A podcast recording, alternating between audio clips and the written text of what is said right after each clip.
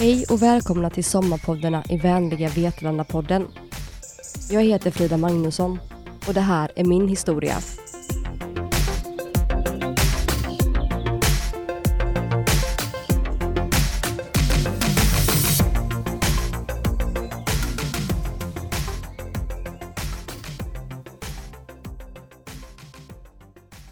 Mitt namn är Frida och jag är 28 år gammal. Jag är uppvuxen i Nässjö, men när jag var runt 19 år gammal flyttade jag till Vetlanda. Jag flyttade hit för jag hade min familj här, men idag bor jag i Sävsjö. Min familj består av tre systrar, en bror, mamma och pappa. Men mamma och pappa lever inte ihop längre, då de delade på sig när jag var fem år gammal.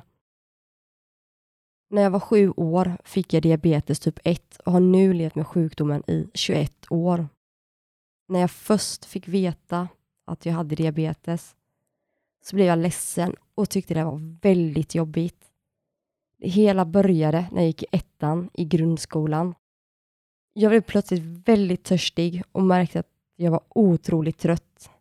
Vi skulle åka skridskor med skolan, men jag orkade inte åka. När vi kom tillbaka till skolan mådde jag dåligt och ramlade plötsligt ihop. Mamma tog mig till sjukhuset där de gjorde flera tester och efter det fick jag veta att det var diabetes typ 1. I många år har jag mått väldigt dåligt och från och till haft djupa depressioner. Men innan jag började må psykiskt dåligt höll jag igång rätt mycket fysiskt och ägnade mig åt olika idrotter såsom gymnastik, dans, ridning och konståkning. Jag umgicks mycket med kompisarna och familjen. Detta var tyvärr något som snart kommer att ändras. Det hela började egentligen efter att jag blivit sexuellt utnyttjad. Detta höll på i flera år och det hände ibland flera gånger i veckan. Jag var bara en liten flicka, nio år gammal, första gången idioten var på mig. Jag fattade först inte att det var fel, det han gjorde. Han var ju vuxen. När jag blev så pass gammal att jag fattade att han gjorde fel och när han började förstå att jag fattade så började han hota mig på olika sätt. Han började även köpa fina saker till mig, såsom mobiltelefon, lyxigt piano. Allt för att jag inte skulle berätta. Jag var livrädd. Jag vågade inte berätta för någon, utan jag höll allt inom mig. Detta ledde till slut till flera självmordsförsök och ett självskadebeteende.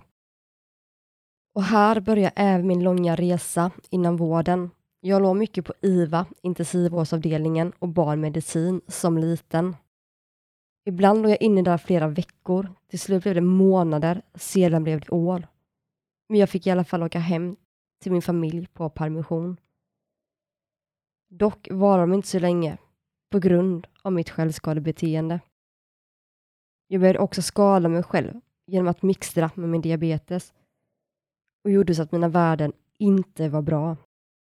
Jag manipulerade helt enkelt alla, läkare, sjuksköterskor, ja, verkligen alla, för det var ju jag, jag som gick bakom ryggen på alla och gjorde självmant att allt blev som det blev. Ingen kunde förstå varför min kropp reagerade som den gjorde på insulinet. Läkarna fick ringa till högre universitetssjukhus i Sverige, men ingen hade hört något liknande. Till slut ringde de till det största sjukhuset i USA, men de hade aldrig hört något liknande de heller. Och så här höll det på i flera år, cirka fyra år, och ingen visste förutom jag. Detta gjorde jag för att jag ville dö. Det hände ofta att jag hamnade i koma i flera dagar, men blev så ledsen när jag vaknade upp och insåg att jag fortfarande var vid liv.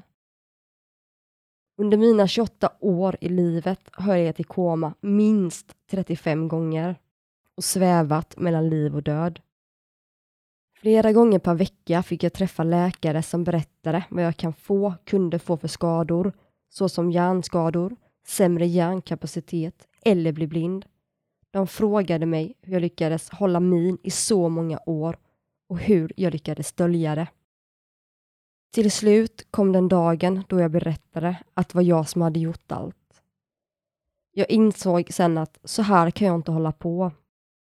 Samma dag som jag berättade för min diabetessköterska som jag hade på barnmedicin så satt min pappa utanför. Min diabetessjuksköterska sa att jag kunde gå ut till pappa igen. Under tiden jag var med pappa där ute ringde hon till SOS. Hon kom ut och sa att hon ville prata med oss. Och då säger hon att hon har ringt socialtjänsten och pappa förstod ingenting. Där berättar hon också att SOS var på väg hit. Jag blev rädd. Jag fick panik. Jag slängde min väska på golvet i sjukhuskorridoren och sprang iväg. Efter en liten stund så gick pappa iväg för att leta efter mig.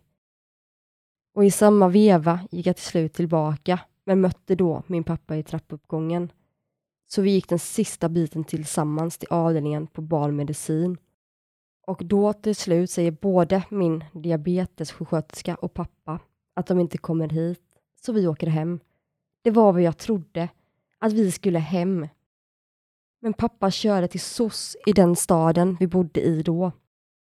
Jag följer honom lugnt upp och när vi kommer upp så frågar de om jag vill vara med där inne när de ska prata. Jag svarade bara visst. Jag fick helt enkelt blackout. Sen sa de rakt ut till mamma och pappa vad jag har varit utsatt för. Alltså de sexuella övergreppen jag upplevt under flera år. Jag fick panik igen och sprang ut därifrån. En man som jobbade där följde efter mig och fick hålla fast mig.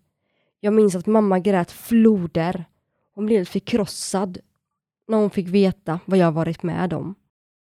Pappa grät också, men han blev mest förbannad och sa jag ska skjuta den jäveln, precis så som de flesta hade reagerat. Men efter det blev jag skickad till BUP 61 i Jönköping, barn och ungdomspsykiatrin. Jag ville verkligen inte vara där. Jag gick även i skolan. När jag blev äldre började jag läsa vård och omsorgsprogrammet på gymnasiet, men hoppade av efter ett halvår. Jag mådde alldeles för dåligt och var inlagd så mycket så jag hann inte med skolarbeten.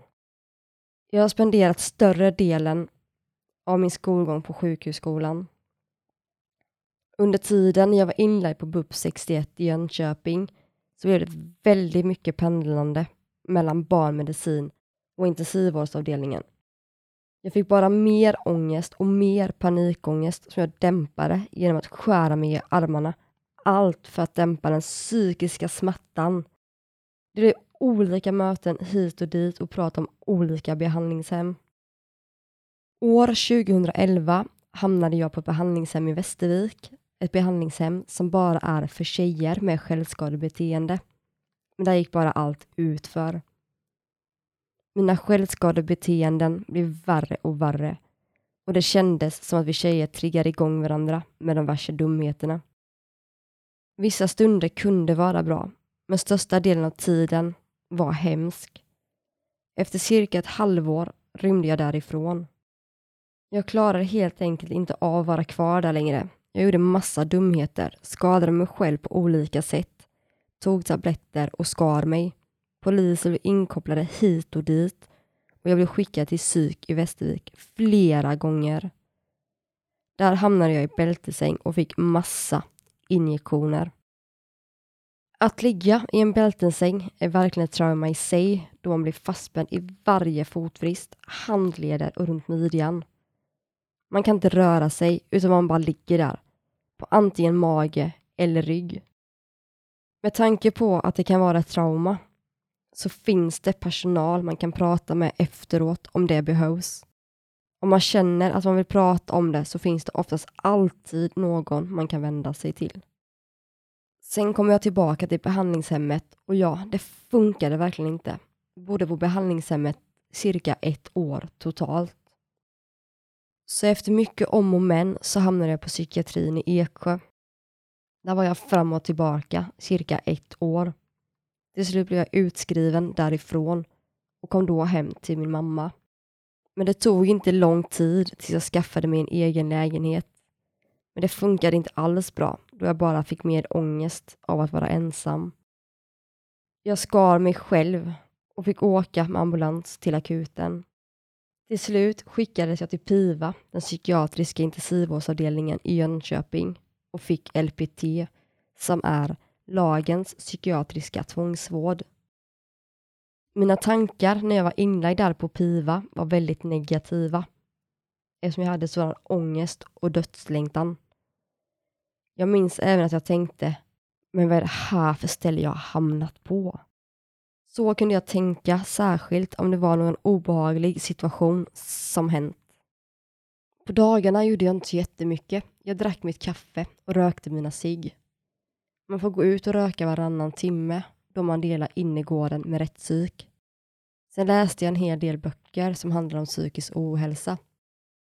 Med tiden, när jag började må lite bättre, fick jag börja gå ut en liten stund om dagen när det fanns tillfälle för någon personal att hänga med. Lite frisk luft kunde vara skönt att komma utanför.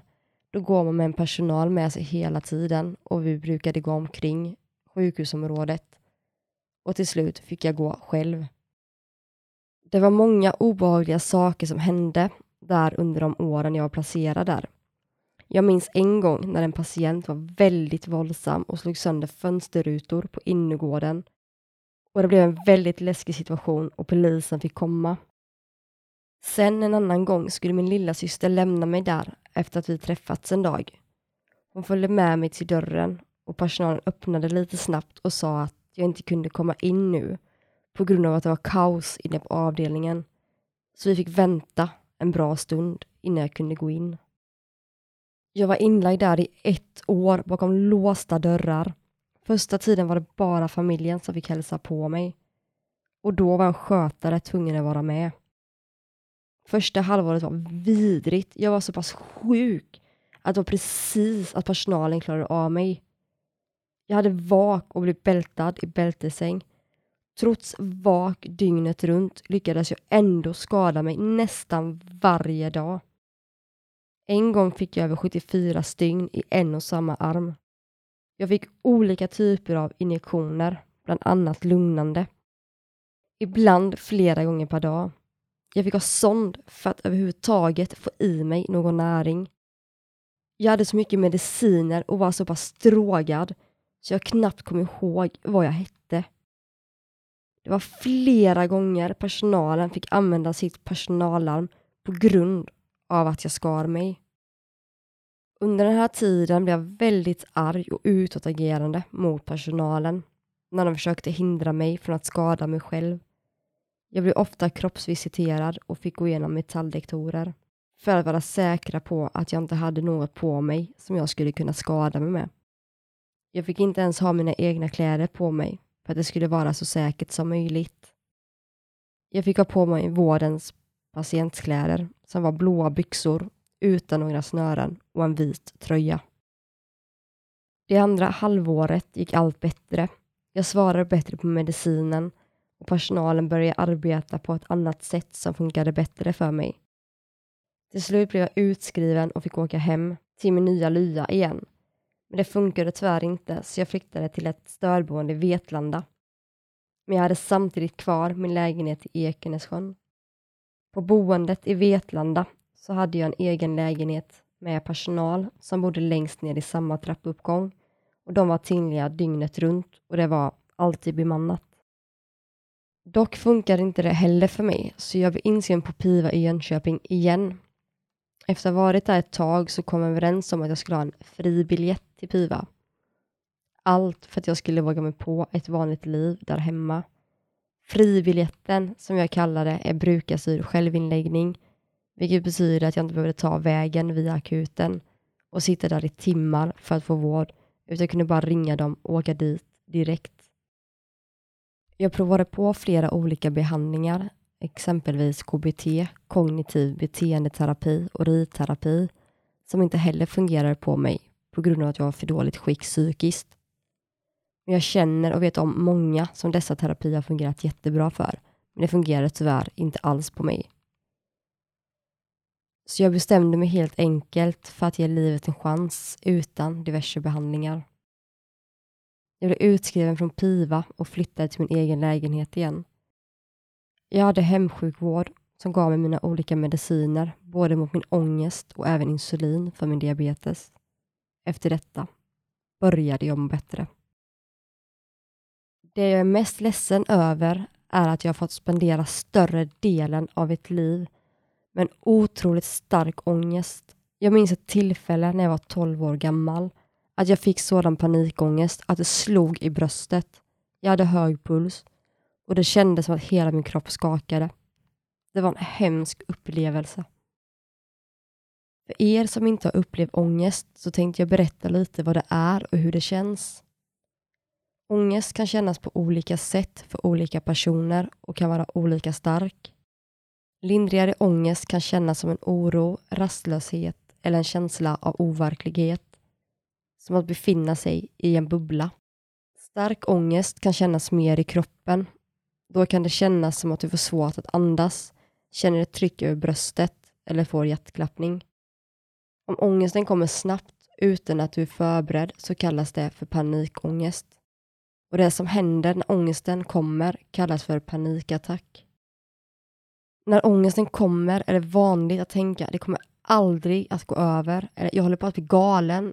När det känns så, kom ihåg att inget av det stämmer. Ångest går alltid över efter en stund och det är inte farligt, även om du är övertygad om det just då. Ångest kan till exempelvis utlösas av en tanke eller känsla som skrämmer dig eller som får dig att känna dig hotad, maktlös, misslyckad eller värdelös. Ibland kan ångesten hänga ihop med höga krav, skamkänslor eller skuldkänslor. Det är vanligt att tro att känna sig konstig och udda, att det är något fel med dig. Ångest kan också utlösas om du blir sviken eller övergiven. Att riskera att förlora något som är viktigt för dig som till exempel trygghet, status eller kärlek kan också ge dig ångest.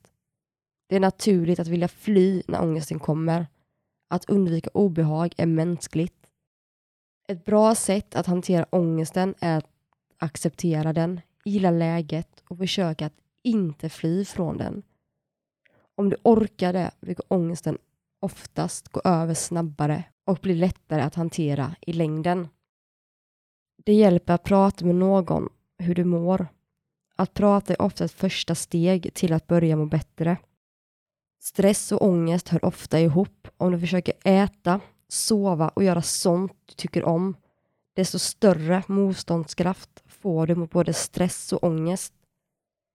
En annan viktig del är att våga säga nej och sätta gränser för vad du orkar med. Om du har så mycket ångest varje dag att det påverkar ditt liv, tveka inte att söka hjälp. Se det inte som ett misslyckande. Det krävs ofta mod och att våga be om hjälp och ju tidigare du söker hjälp, desto bättre. Om du ändå tar emot att söka vård själv, be någon du litar på att stötta dig i att göra det. Under tiden jag mådde som sämst hade jag alltid min bästa vän som bor i Vetlanda. Jag har alltid kunnat öppna upp mig för henne och vända mig till henne när jag mått dåligt. Hon betyder jättemycket för mig och kommer alltid att göra. Jag har också kunnat vända mig till min underbara familj som betyder så mycket för mig. Utan dem hade jag nog inte klarat mig igenom detta. Idag mår jag bra men det jag varit utsatt för har påverkat mig otroligt mycket. Jag har tappat både tillit och förtroende för människor. Jag har extra svårt att lita på män, men jag har bearbetat mitt trauma på mitt eget sätt. Så i dagsläget fungerar det bättre, men jag har fortfarande väldigt svårt med tillit och förtroende. Men idag har jag en pojkvän, jag bor i min egen lägenhet, jag ska börja arbetsträna och få ta hand om mitt eget insulin. Jag har även gått en utbildning som heter PEER. Där fick man bland annat berätta sin egen historia. Att använda och dela med sig av sina komplementära kunskaper och förmedla hopp om återhämtning till både individ och samhälle. Man tar upp olika uppdrag där man deltar i utbildningsinsatser för personal, föreläsningar och arbetsgrupper. Med utbildningen ska jag kunna göra olika uppdrag. Peer support är en ny yrkesroll inom hälso och sjukvården samt socialpsykiatri. Det innebär att personer med egen erfarenhet av psykisk ohälsa eller funktionsnedsättning blir professionellt verksamma för att stötta brukare patienter i deras återhämtning. Jag anmälde mannen som förstörde mitt liv, men ledde tyvärr ingenstans eftersom det inte fanns några bevis. Det hade ju gått så lång tid. Trots det tycker jag självklart att du som blivit utsatt för något liknande ska anmäla om du vågar eller be någon annan göra det. Då kanske vi kan få stopp på de människorna som gör sådana saker. När jag tänker på framtiden så blir jag nästan stressad. Och jag har mycket framtidsdrömmar. Jag skulle till exempel vilja plugga till kirurg, operationssjuksköterska, socionom, vårdadministratör. Det finns så mycket jag skulle vilja göra.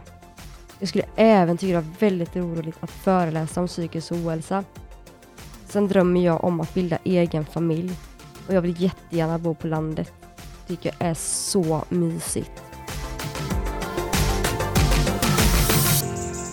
Du har lyssnat på Sommarpoddarna i Vänliga Vetlanda-podden.